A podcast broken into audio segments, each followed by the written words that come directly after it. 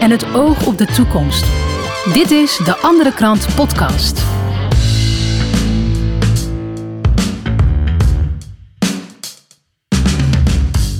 Fijn dat je kijkt en luistert naar de Andere Krant podcast. Vandaag ga ik in gesprek met journalist Peter Baten over klimaatverandering. Wat is er nou eigenlijk aan de hand met het klimaat? Is er sprake van een extreme klimaatcrisis? Of is enige nuance wel op zijn plek? Peter, welkom in de show. Dankjewel. Ja, Peter, ik zit bij jou thuis en we zitten eigenlijk te kijken over een prachtig uh, weiland, prachtig uitzicht. Uh, ja, weet je, het is, volgens mij is het een hele normale dag vandaag, of niet? Het is zeker een normale dag, ja. Want uh, ja, daar wordt toch gezegd dat, dat het klimaat toch zo verandert? Ja, dat wordt gezegd inderdaad. en het is, het is maar helemaal de vraag. En ik ben het er overigens mee eens dat het klimaat wel wat verandert. Maar de grote vraag is, hoeveel verandert dat dan? En hoe uitzonderlijk is dat? En wat zijn de oorzaken daarvan? Ja. Dus dat zijn allemaal vragen die volgen uit die simpele vraag, uit die simpele constatering, het klimaat verandert. Ja, oké. Okay, nou, dan gaan we vandaag uh, uitgebreid over in gesprek. Mm -hmm. uh, ik wil het vandaag met jou hebben over drie dingen. Uh, CO2, hoe bedreigend is het? de opwarming van de aarde en of er meer mensen overlijden door klimaatverandering. Want dat is ook wel een interessant dingetje. Zeker. Uh, ik wil eerst beginnen met een fragmentje. Daar kunnen mensen naar kijken. Het is een video. Het is ook geschikt voor audio, dus mensen kunnen er ook lekker naar luisteren. Uh, waarin wordt uitgelegd van, ja, wat is nou de situatie met het klimaat? Daar gaan we even naar kijken en luisteren. Everyone's talking about climate change. But what is our climate? And why is it changing? Our climate is the Earth's normal weather over a very long time. It usually takes hundreds or thousands of years for the climate to change. But recently, our climate has been changing much faster. All these changes make life harder for our plants, animals, and for people around the world. And the biggest cause of climate change is humans, including you and me. When we use fuel like oil and gasoline, or remove forests to make room for cities or farms, we release greenhouse gases into our atmosphere. These greenhouse gases cause our climate to get warmer. Normally, when the heat from the sun warms our planet, some of the heat reflects back into space. But greenhouse gases act like a big blanket, holding some of it in. This extra heat can cause all sorts of problems for our planet, and the plants, animals, and people who live here. Our ice and snow are melting faster. Our oceans are getting warmer and higher, and our weather is becoming more extreme, with more heat waves, heavy rainfalls, and powerful hurricanes. Luckily, many countries around the world are working together to fight climate change. And there are lots of easy ways you and I can help too, like reusing things instead of throwing them out. Instead of driving, ride your bike or take the bus. Use less electricity and eat food grown closer to home. You and I, we can make a difference. We can fight climate change. Nou, dat is een bekende verhaal, uh, Peter. Uh, we horen het veel. Uh, de mensen zijn het probleem. Hè? Dus zij zorgen ervoor dat de aarde opwarmt en de toename van CO2 veroorzaakt. bekende verhaal. maar er is in de media is er toch eigenlijk weinig ruimte voor een gesprek. Dus daarom ben ik ook bij jou nu voor het gesprek om het klimaat even onder de loep te nemen. Maar waarom ligt dit nou zo gevoelig, dit, dit, dit onderwerp? Ja, goede vraag. daar kun je, op die vraag kun je sowieso al boeken over volschrijven. Um, ik denk zelf dat het, uh, dat het te maken heeft met um, schuldgevoelens van mensen. Dus het idee dat de mens uh, de aarde vernietigt of de schade berokkent, dat, dat zit heel diep bij heel veel mensen. En waar dat precies vandaan komt, dat heeft misschien nog met, met ik, de aanwezigheid van, de, van, van het christendom te maken. Of, of, of, de mensen die een hekel hebben aan het kapitalistisch systeem. Maar het zit in ieder geval psychologisch heel diep. Uh, dat de mens um, ja, slecht is voor de aarde. Ja, en dat, dat is gewoon te simpel. Dat, dat, daar kun je uh, op allerlei manieren nuanceringen op aanbrengen. Ja. Maar het, het, het is een psychologisch effect. En er komt bij dat mensen, heel veel mensen oprecht bezorgd zijn hoor. Die echt denken dat de planeet ten onder gaat en dat we de planeet moeten redden uh, van de ondergang. En, en, daarom ligt het zo gevoelig, denk ik. Oké, okay, oké. Okay. Maar goed, we, we, we hebben natuurlijk wel uh, de industriële revolutie gehad, waarin we dus heel veel, uh, zijn heel veel broeikasuitstoten geweest, al die grote bedrijven die opkwamen. Ja. dus dat is wel een feit. We vervuilen wel ontzettend veel het water en ook de lucht. Dus dat, dat is wel een ding. Ja, maar je moet, en daar komen we misschien later ook nog op, er is een enorm verschil tussen vervuiling en CO2-uitstoot. vervuiling, dan heb je het over roet en over zwavel. Uh, dioxide, smog, dat soort dingen, wat, wat wij hier um, uh, bijvoorbeeld in de jaren 50 en 60 ook heel erg sterk hadden, die smog. Dat zijn andere issues en die hangen inderdaad samen met die, met die industrie. Maar CO2 hangt ook samen met de industrie, maar is een heel ander probleem. Echt een compleet ander probleem. Dus er zou een verschil gemaakt moeten worden tussen aan de ene kant milieuproblemen, vervuiling, en aan de andere kant het mogelijke CO2-opwarming probleem. Oké, oké. Nou dat is ook eigenlijk mijn eerste vraag. Want uh, we, ja, het CO2, dat, dat, daar word je eigenlijk mee om de oren geslagen, dat, dat woord. Uh, iedereen weet wel hè, dat dat uh, een grote rol speelt. Maar hoe bedreigend is de toename van CO2 in de atmosfeer nu echt? Ja, dat, dat is natuurlijk de grote vraag. waar wetenschappers zich al heel lang ehm, over buigen.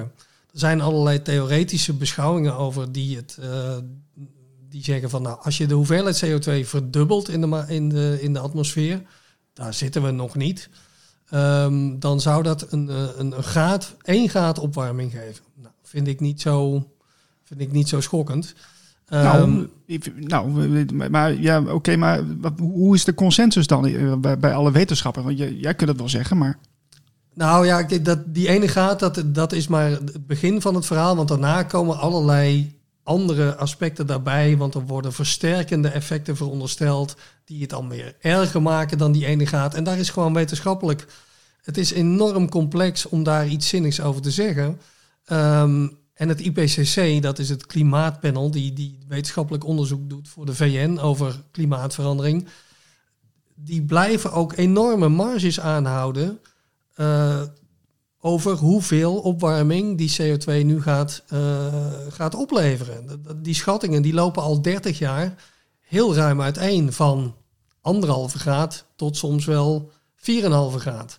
En die marge die wordt maar niet kleiner. Die onzekerheid blijft even groot. Met andere woorden, de wetenschap is er nog lang niet uit. Mm -hmm.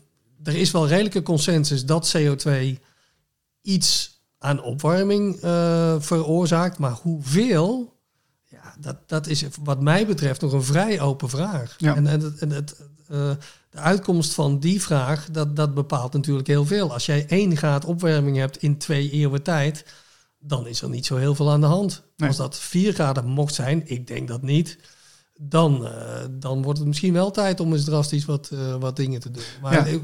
de wetenschap is daar nog lang niet uit, naar mijn overtuiging. Ik ben wel benieuwd van, uh, ze hebben het dan vooral over die anderhalf graad uh, opwarming, maar hoe, hoe, komen ze bij, hoe komen ze bij dat getal? Nou, die anderhalf graad die is, die is vrij arbitrair. Die is uh, bij het akkoord van Parijs, misschien weet je dat nog wel, in ja. 2015. Toen werden grote besluiten genomen van we moeten nu echt drastische stappen zetten. Is voorlopig niet veel van gekomen, maar dat is een ander verhaal. Um, toen is die anderhalve graad daar in één keer op het laatste moment ingefietst. En dat is de uitkomst van een, van een heel politiek proces.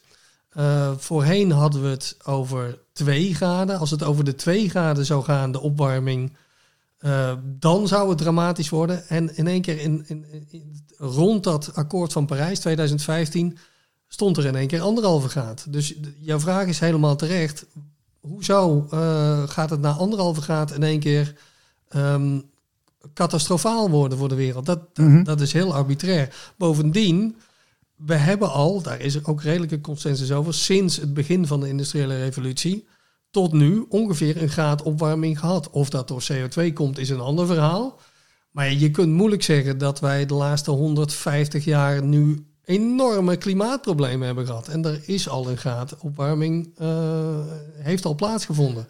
Ja. Dus ja. nou ja, goed. Nou ja, oké, okay, geen klimaatproblemen. Kijk, de laatste, wat me de laatste jaren wel opvalt, hè, uh, we hebben die overstromingen gehad in, in Nederland, Valkenburg. We hebben onlangs in Duitsland hebben we een soort uh, orkaan, wat is het? Ja, tornado. tornadootje gehad. Ja. Nou ja, in Duitsland. Ja. Dat is toch wel opmerkelijk. Ja. Nee, het is zeker opmerkelijk, maar om dat nu 1, 2, 3 te linken aan klimaatverandering gaat ook weer veel te snel. Waar, waarom dan? Ehm, dat is, ook dat is weer een vrij ingewikkeld uh, proces. Ja, kijk, die, die, uh, die overstroming in Limburg, daar werd ook meteen door, door wat sceptici genoemd dat het in, in de 19e eeuw wel vaker voorkwam.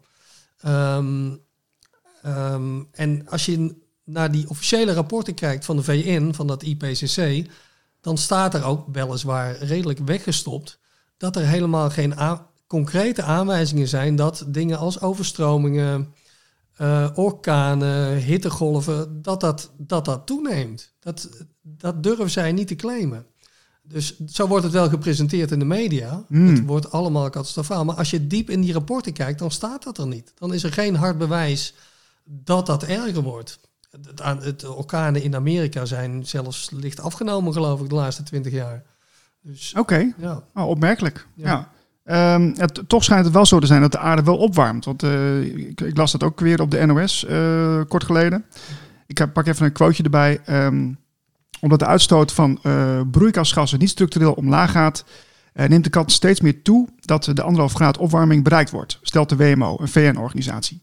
die anderhalf graad wordt alom gezien als een behoorlijke grens, al, dus de WMO op de site van NOS.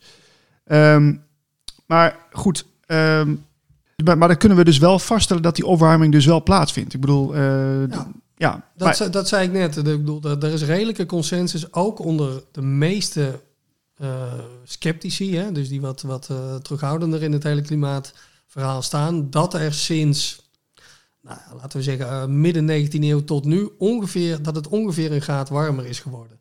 Maar um, dat wordt niet echt betwist. Um, maar ja, de grote vraag is, hoe komt dat dan? We kwamen toen ook uit wat heet de kleine ijstijd. Uh, dat is een periode zo rond de 17e eeuw en de, eeuwen daaromheen. Uh, dat het gewoon uitzonderlijk koud was. Uh, dat kunnen we aan grafieken kunnen we dat, kunnen we dat reconstrueren. Dus we komen ook uit een extreem koude tijd. Dus dat het nu een graad warmer is dan 200 jaar geleden of 150 jaar geleden, dat zegt op zich niet dat dat per se door CO2 komt. Kan ook een natuurlijke variatie zijn. Oké. Ja, en je ziet ook in het verleden dat rond het jaar 1000 uh, eh, het eigenlijk warmer was dan nu. Uh, het voorbeeld dat dan gegeven wordt is dat de vikingen op Groenland uh, landbouw konden, konden uitvoeren. Ah, dat het nu onmogelijk is. Dus er zijn allerlei aanwijzingen ook rond het, rond, uh, rond het jaar nul. De Romeinse warme periode is dat, dat we eerder periodes hebben gehad dat het nou, relatief warm was. Dus het feit dat het nu een graad warmer is dan 150 jaar geleden, dat houdt echt zeker niet automatisch in dat dat, dat dat alleen maar aan CO2 ligt. Maar dus, dan zou het meer de, de aarde meer moeten zien als iets wat, wat, wat een bepaalde cyclus doorloopt. Ja, dat zou kunnen. Uh, de, geologen en uh, geofysici die, die zullen dat bevestigen dat het van alle tijden is dat het klimaat verandert. Uh, dus daar zou je op zijn minst um, nader naar moeten kijken. Hoe uitzonderlijk is de, is de huidige opwarming? Ja.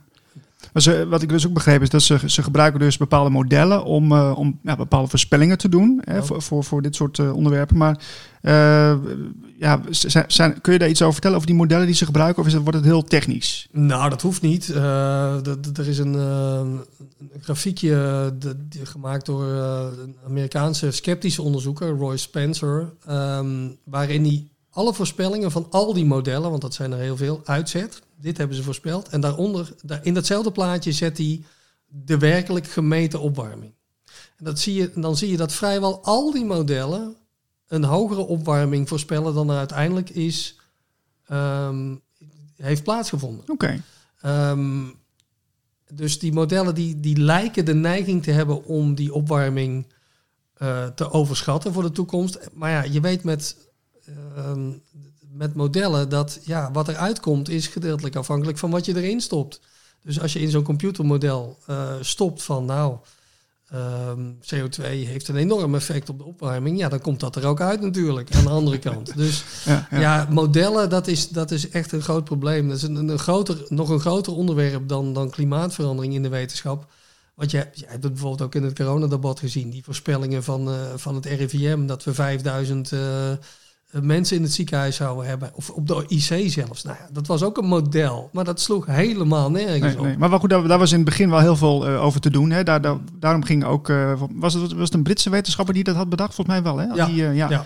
Ja, maar daardoor ging de wereld wel op zijn kop. En eh, Ja. dat, is, dat, dat is toch, ja, dat we daar zo, wil, zo, zo ehm, eh, ja, naïef eigenlijk op blijven varen op, op, op één iets. Dat is toch wel. eh, Ja, dat, dat is ook ja, een, grote zorg van mij. Dat er, dat er blind wordt vertrouwd op wat de wetenschap zegt. Nou, om te beginnen, de wetenschap bestaat niet. Hè. Er, zijn, eh, er is altijd discussie, tenminste als het goed is.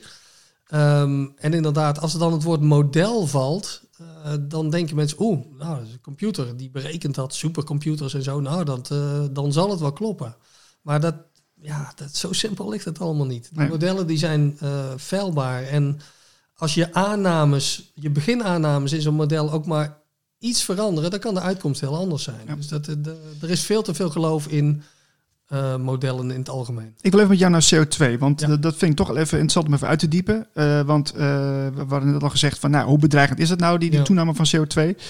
Maar ehm, ja, is, is CO2 überhaupt eh, vervuiling? Of hoe moet ik dat zien? Wat, wat is dat nou precies? Nou, dat komen, komen we weer terug op wat ik, wat ik eerder zei. Dat onderscheid tussen milieuvervuiling en CO2. eh, dus klimaatbeleid en milieubeleid. Dat wordt over het algemeen als één ding gezien. En dat zou niet moeten. Het zijn twee heel verschillende zaken. Want ja, dingen als roetuitstoot, smog en dat soort dingen. Dat is echt eh, vervuiling. Maar CO2 is geen vervuiling. Dat is een stof die wij allemaal nodig hebben. Eh, planten des te meer. Ehm, dat zie je nu trouwens ook. Hè. Doordat er meer CO2 in de, in atmosfeer is, groeien planten beter.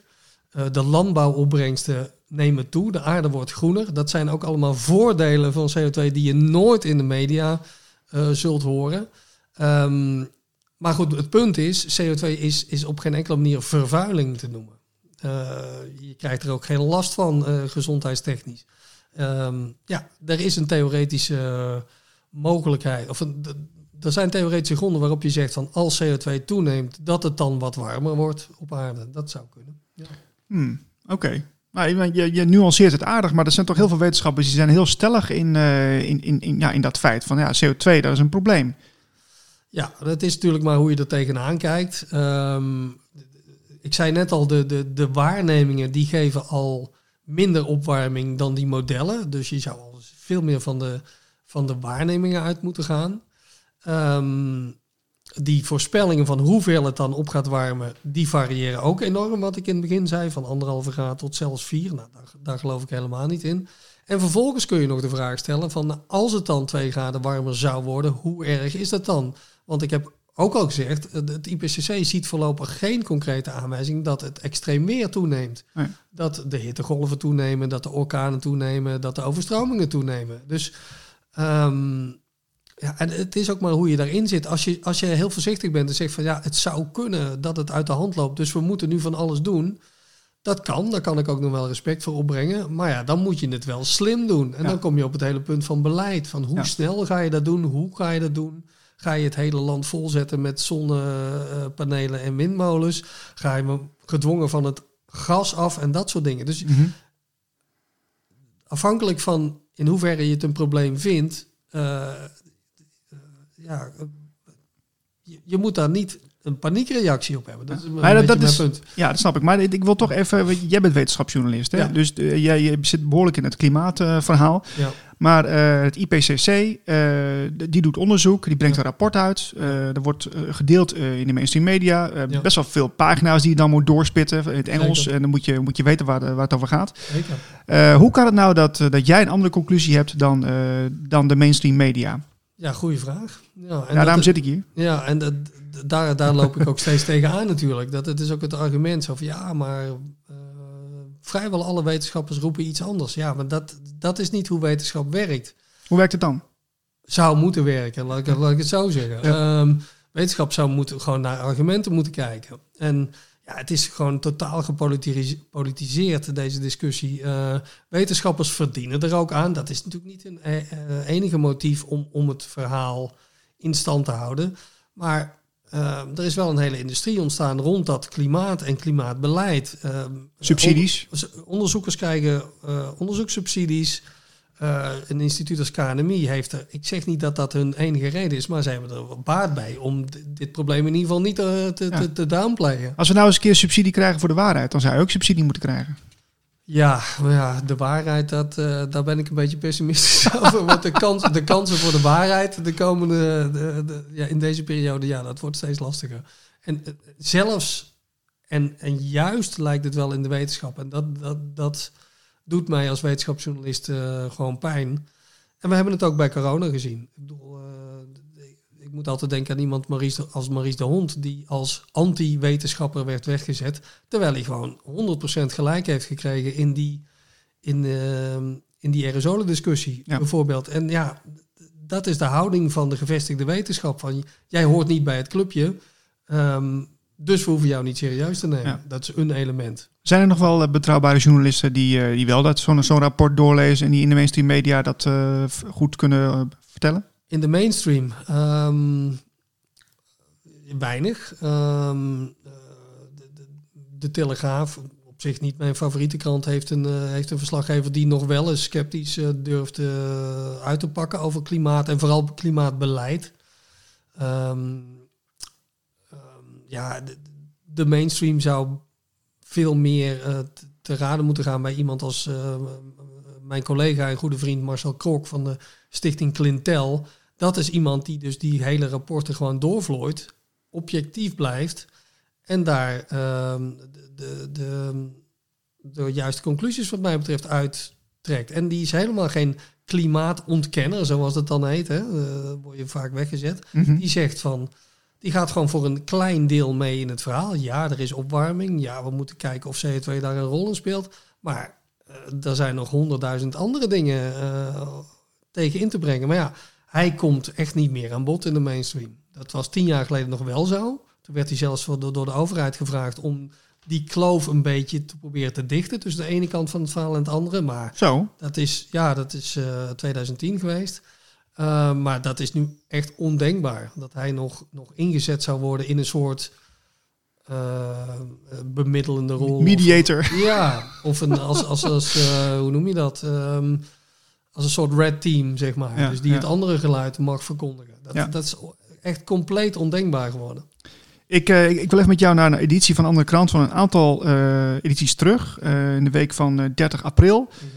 Daar stond je op de voorpagina. Ehm, we horen in de media heel veel paniekverhalen. En jij hebt er ook een artikel over geschreven van... ja, wat, wat is er nou eigenlijk van waar? Dat is al jaren aan de gang. Echt, als we moeten echt terug naar de vorige eeuw. volgens mij halverwege de vorige eeuw. Daar ook Zeker. bekende Nederlanders of bekende figuren die daar iets over zeiden. Of Paul McCartney of zo, wie was het al? Elton John, nee... Ja, ik ben ook even kwijt wie het was. Uh, Prince Charles. Oh, Prins Charles was het. Oh, sorry. Ja, ja nou dat. Oké. Okay. Uh, ook zelf de Dalai Lama zie ik. Ja, Paul McCartney ook hoor. Oh, oké. Okay. Dus er wordt dan gezegd van ja, uh, nog 5000 dagen om de aarde te redden bijvoorbeeld. kun, je, kun je nog even een voorbeeld geven van hoe dat een beetje opgehitst wordt, die, die, die klimaat... Ja, dat is, dat is sinds dat de milieubeweging opgekomen is in rond ja, in de jaren 60 van de vorige eeuw, is dat een, een vaste strategie geweest van hen om... om een deadline, een kunstmatige deadline te roepen. Zo van, we hebben nog zoveel tijd. Greta Thunberg heeft het geloof ik ook uh, genoemd, van we hebben nog twaalf jaar. Nou, dat komt stevast niet uit. Um, maar het is een strategie om, om uh, het alarmisme in de, in de hoofden te krijgen, denk ik. Um, ja, ik moet altijd met die voorspellingen denken aan die, die onderzoeker uh, rond het jaar 2000 uit Engeland. Was een gerenommeerde onderzoeker op zich. David Viner heet hij geloof ik. Die zei rond 2000, ja, onze kinderen zullen niet meer weten wat sneeuw is in Engeland. Ja, dat, ja dan denk je van, ja, hoe serieus moet ik die man nog nemen? Want er is sinds 2000 echt nog wel een keer sneeuw gevallen in, in het Verenigd Koninkrijk. En, en die, die mensen worden er ook niet op afgerekend. Behalve dan in mijn artikel in de andere kant. Maar goed, dat zal niet zoveel indruk maken in die kringen. Ja, ik vind, ik vind het wel ongelooflijk hoor. Ik ja. vind het echt bizar dat dat, dat, dat gebeurt. Het is, uh, nou ja, ja. ja, maar de lijst is eindeloos en het blijft gaan. En de mensen, wat ik zeg, de mensen worden er niet op afgerekend. Ook wetenschappers niet. Ja. Um, dan een ander ding. Uh, ik zei net al, overstromingen, orkanen, hittegolven. Uh, ze vinden natuurlijk wel plaats, maar uh, kun je nou zeggen dat door de jaren heen er meer mensen zijn overleden door, door klimaatverandering? Nou, dat is wat mij betreft misschien wel het, belangrijkste element van het hele klimaatdebat. En, en het schijnt geen algemene kennis te zijn. Als je het gewoon officiële cijfers bekijkt, dan is het aantal mensen dat overlijdt, dus het aantal doden aan extreem weer, zeg maar, dus klimaatgerelateerde rampen, zoals orkanen, overstromingen, hittegolven, dat is de laatste 100 jaar dus spectaculair gedaald. Met, met bijna 95 procent. Gedaald. Gedaald, ja. Dus het, Wauw.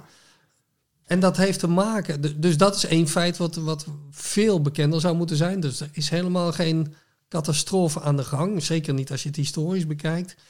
Ehm, en een belangrijke toevoeging daaraan is dat dat komt, dat die, die, die, die daling van het aantal slachtoffers, niet eens zozeer omdat er minder rampen zijn, dat blijft ongeveer gelijk. Eh, ehm, maar doordat wij gewoon, doordat we rijker zijn geworden, veel beter in staat zijn om ons te wapenen tegen mogelijke, eh, mogelijk extreem weer. Bijvoorbeeld betere weersvoorspellingen.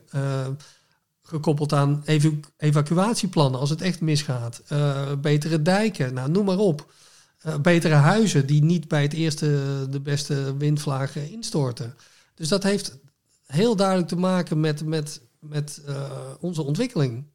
Ehm, en daar zou je, dus al, als je dan al bang bent hè, voor, voor klimaatverandering in de toekomst, zou je veel meer daarop moeten richten. Dus wat kunnen we doen om de eventuele gevolgen van klimaatverandering gewoon beter eh, te verwerken als maatschappij? Ja. Dat is ook veel efficiënter dan, eh, dan die andere methode, namelijk ten koste van alles de CO2-uitstoot eh, te beperken. Ja, ik werd gisteren nog getipt door een andere collega van ons. ehm, die zei van, nou, als je met Peter Baat in gesprek, moet, of, of, in gesprek gaat, dan, dan, dan moet je toch even dat, dat stukje aantippen geoengineering. Hmm.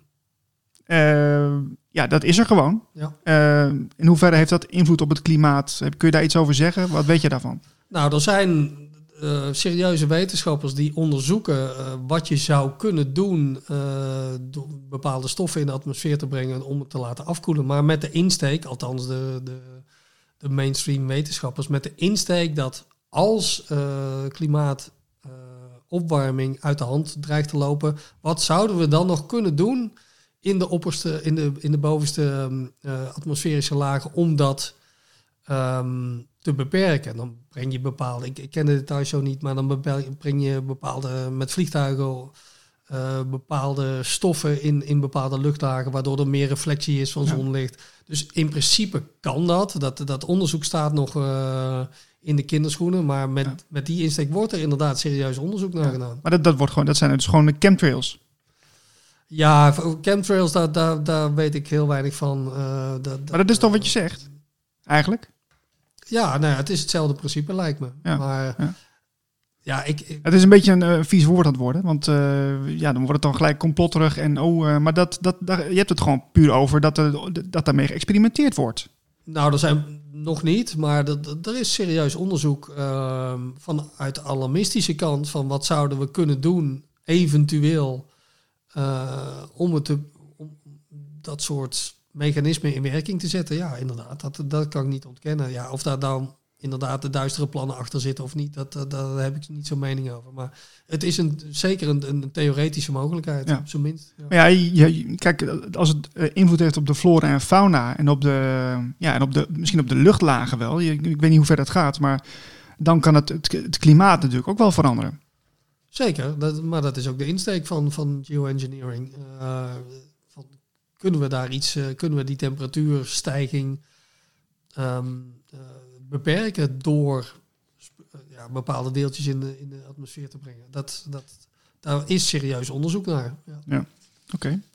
Als we nou aannemen dat CO2 een echte bedreiging is, hè? Ja. Ehm, wat is nou goed en efficiënt beleid? Dat was een van de vragen die, ja, die jij ook eventjes mij doorgaf. Ja, Eh, want daar is dus nog wel enige discussie mogelijk. eh. zeker. Dus, dus die, die eerste, het eerste deel van de discussie van in hoeverre eh, of stevenen we op een ramp af als we niks doen met CO2, dat, dat, daar kun je, kom je bijna niet meer tussen als scepticus. Die tweede deel van, de- van, van het debat van, nou, als je aanneemt dat het een bedreiging is, wat kunnen we dan het beste doen? Daar is gelukkig nog wel wat ruimte in het publieke debat. Nou, één element daarvan is, heb ik, heb ik net al genoemd, dat je veel meer op adaptatie in zou moeten zetten. Dus hogere dijken, betere weersvoorspellingen, eh, dat soort dingen dan zeer geforceerd al die CO2 eh, te, willen beperken. Dat is één element. het tweede element gaat natuurlijk over zaken als de, die met de energievoorziening ehm, te maken hebben, zo, zoals zonneparken, windmolens, wat mij betreft kerncentrales, biomassa. Dus wat kun je dan het beste, hoe zou je die energietransitie, als je die al wil, hè, gaan we dan even vanuit dat je dat wil, hoe zou je dat het beste kunnen doen? Ja, wat mij betreft is het antwoord duidelijk. Dan, als je het een probleem vindt, dan zou je vol op kernenergie in moeten zetten. Dat is de enige manier om. Um, er is ook heel veel kritiek op, hè, kernenergie. Zeker, ja, er, zijn, er zitten ook nadelen aan kernenergie. Aan de andere kant, als je, het, als je verkondigt dat we allemaal ten onder gaan door CO2 en tegelijkertijd kernenergie niet serieus als optie ziet, ja, dan klopt er iets niet aan je verhaal. Want, Waarom niet dan? Nou ja, je kunt niet zeggen van uh, we gaan allemaal naar de verdoemenis, maar een kerncentrale, ja, dat kan nooit de oplossing zijn. Hm. Dus dat, dat lijkt me niet uh, meer in lijn niet meer in verhouding. En er komt bij bij kernenergie dat, um, dat er nieuwe generaties uh, kern kerncentrales in ontwikkeling zijn. China is daar vorig jaar mee begonnen. Um, die een stuk veiliger zijn, een stuk minder afval produceren. Um, uh, die ook op andere brandstoffen als uranium kunnen, kunnen werken. Tuurlijk, daar zitten ook nadelen aan, maar uh, dat zou wat mij betreft op zijn minst een serieuze optie zijn om, om, om nader te bekijken en nader uit te werken. Dat, ja, nou, je ziet wel, dat, dat zei ik, daar in die discussie is nog wat ruimte. In Nederland begint het nu aarzelend ook wel wat pleidooien te komen voor, voor kernenergie. Dus gelukkig is daar nog iets van ruimte. Nou, eh, sterker nog, uh, ik, ik, kreeg gisteren een uh, filmpje te zien waarin Rob Jette een hele opmerkelijke uitspraak deed. Dat gaat dan over biomassa. Maar dat is ook een mm. hele grote discussie over. Um, dus er lijkt een kentering te zijn in de politiek. En uh, we gaan even naar een fragmentje kijken van de Hofbar. Want daarin wordt uh, Rob Jette geïnterviewd door Rutger Kastricum. En uh, daarin zeggen ze dit. Dag, minister Jette. Goeiedag. Goeiedag, hallo. Hi. Hallo. Um, nou ja, um, u bent dan pas net minister. En moet ik zeggen, al wel vrij daadkrachtig. U heeft de subsidies op de biomassa-centrales afgeschaft. Ja. Nou, dat is toch al wel een felicitatie waard eigenlijk, hè? Ben u toch van die eh, kwakkelende fractievoorzitter naar da daadkrachtige minister in nou, Dat is een lekker begrip van dit gesprek. En, dat ik dat ooit nog zo uit mijn strot kon krijgen eigenlijk. Maar uh, dank voor het compliment. Die zal ik zo uh, op meenemen. Maar de rest van het gesprek komt nog. Hè? Ja, deze, deze heb ik dan alvast wel gegeven, ja. Nou, ik moet wel zeggen, de, de Tweede Kamer heeft natuurlijk echt al super lang gevraagd... om een stop of een afbouwpad van subsidies voor biomassa.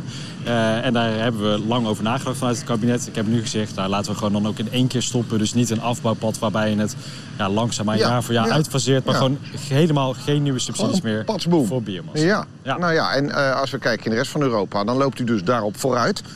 Uh, blijkbaar is er iets aan de hand. Uh, waarom doet u het? Nou, we hebben uh, inzet van biomassa kan helpen om de klimaatdoelen te halen, maar dan moet je het wel slim doen. Hè? Dus grondstoffen die uit de natuur komen, die je kan inzetten voor de chemie of wat dan ook, uh, hartstikke goed. Maar om ze nou in een oven te gooien en te verbranden voor elektriciteit of voor warmte, dat is echt een beetje zonde. Uh, zeker ook omdat er natuurlijk veel zorgen zijn over de duurzaamheid van de biogrondstoffen die worden gebruikt. Uh, nou, wat, wat, ik dus nu hoor is dat de subsidie uh, wordt uh, per direct stopgezet voor biomassa in, in Nederland. Nou, dat is toch een mooi begin, Peter?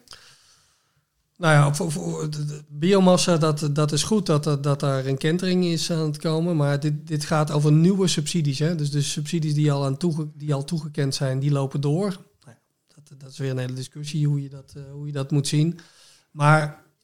Um, Kijk, het is wel een voorbeeld. Ik zou niet te vroeg juichen, want dat hele biomassa-verhaal, dat is wel een voorbeeld van hoe langzaam uh, een discussie nodig heeft om te kantelen en hoe absurd het kan worden. Want iedereen kon ja, altijd al bedenken dat het kappen van bomen in Estland, dat vervolgens op een dieselschip zetten, uh, dat naar Nederland varen en dan vervolgens in een oven flikkeren om uh, elektriciteit of warmte op te wekken. Ik kan nog steeds niet met mijn hoofd bij dat, dat mensen dat een goed idee vinden. Hoe koek? Ja, sorry, ik ben misschien wat, wat eenvoudig aangelegd of zo, maar dit, is, dit, is, toch niet, dit is toch niet, dit is toch niet uh, nee, logisch? Dat, dat was voor iedereen met een beetje redelijk verstand duidelijk, maar dan het, is ook nog eens vrij vervuilend. Hè?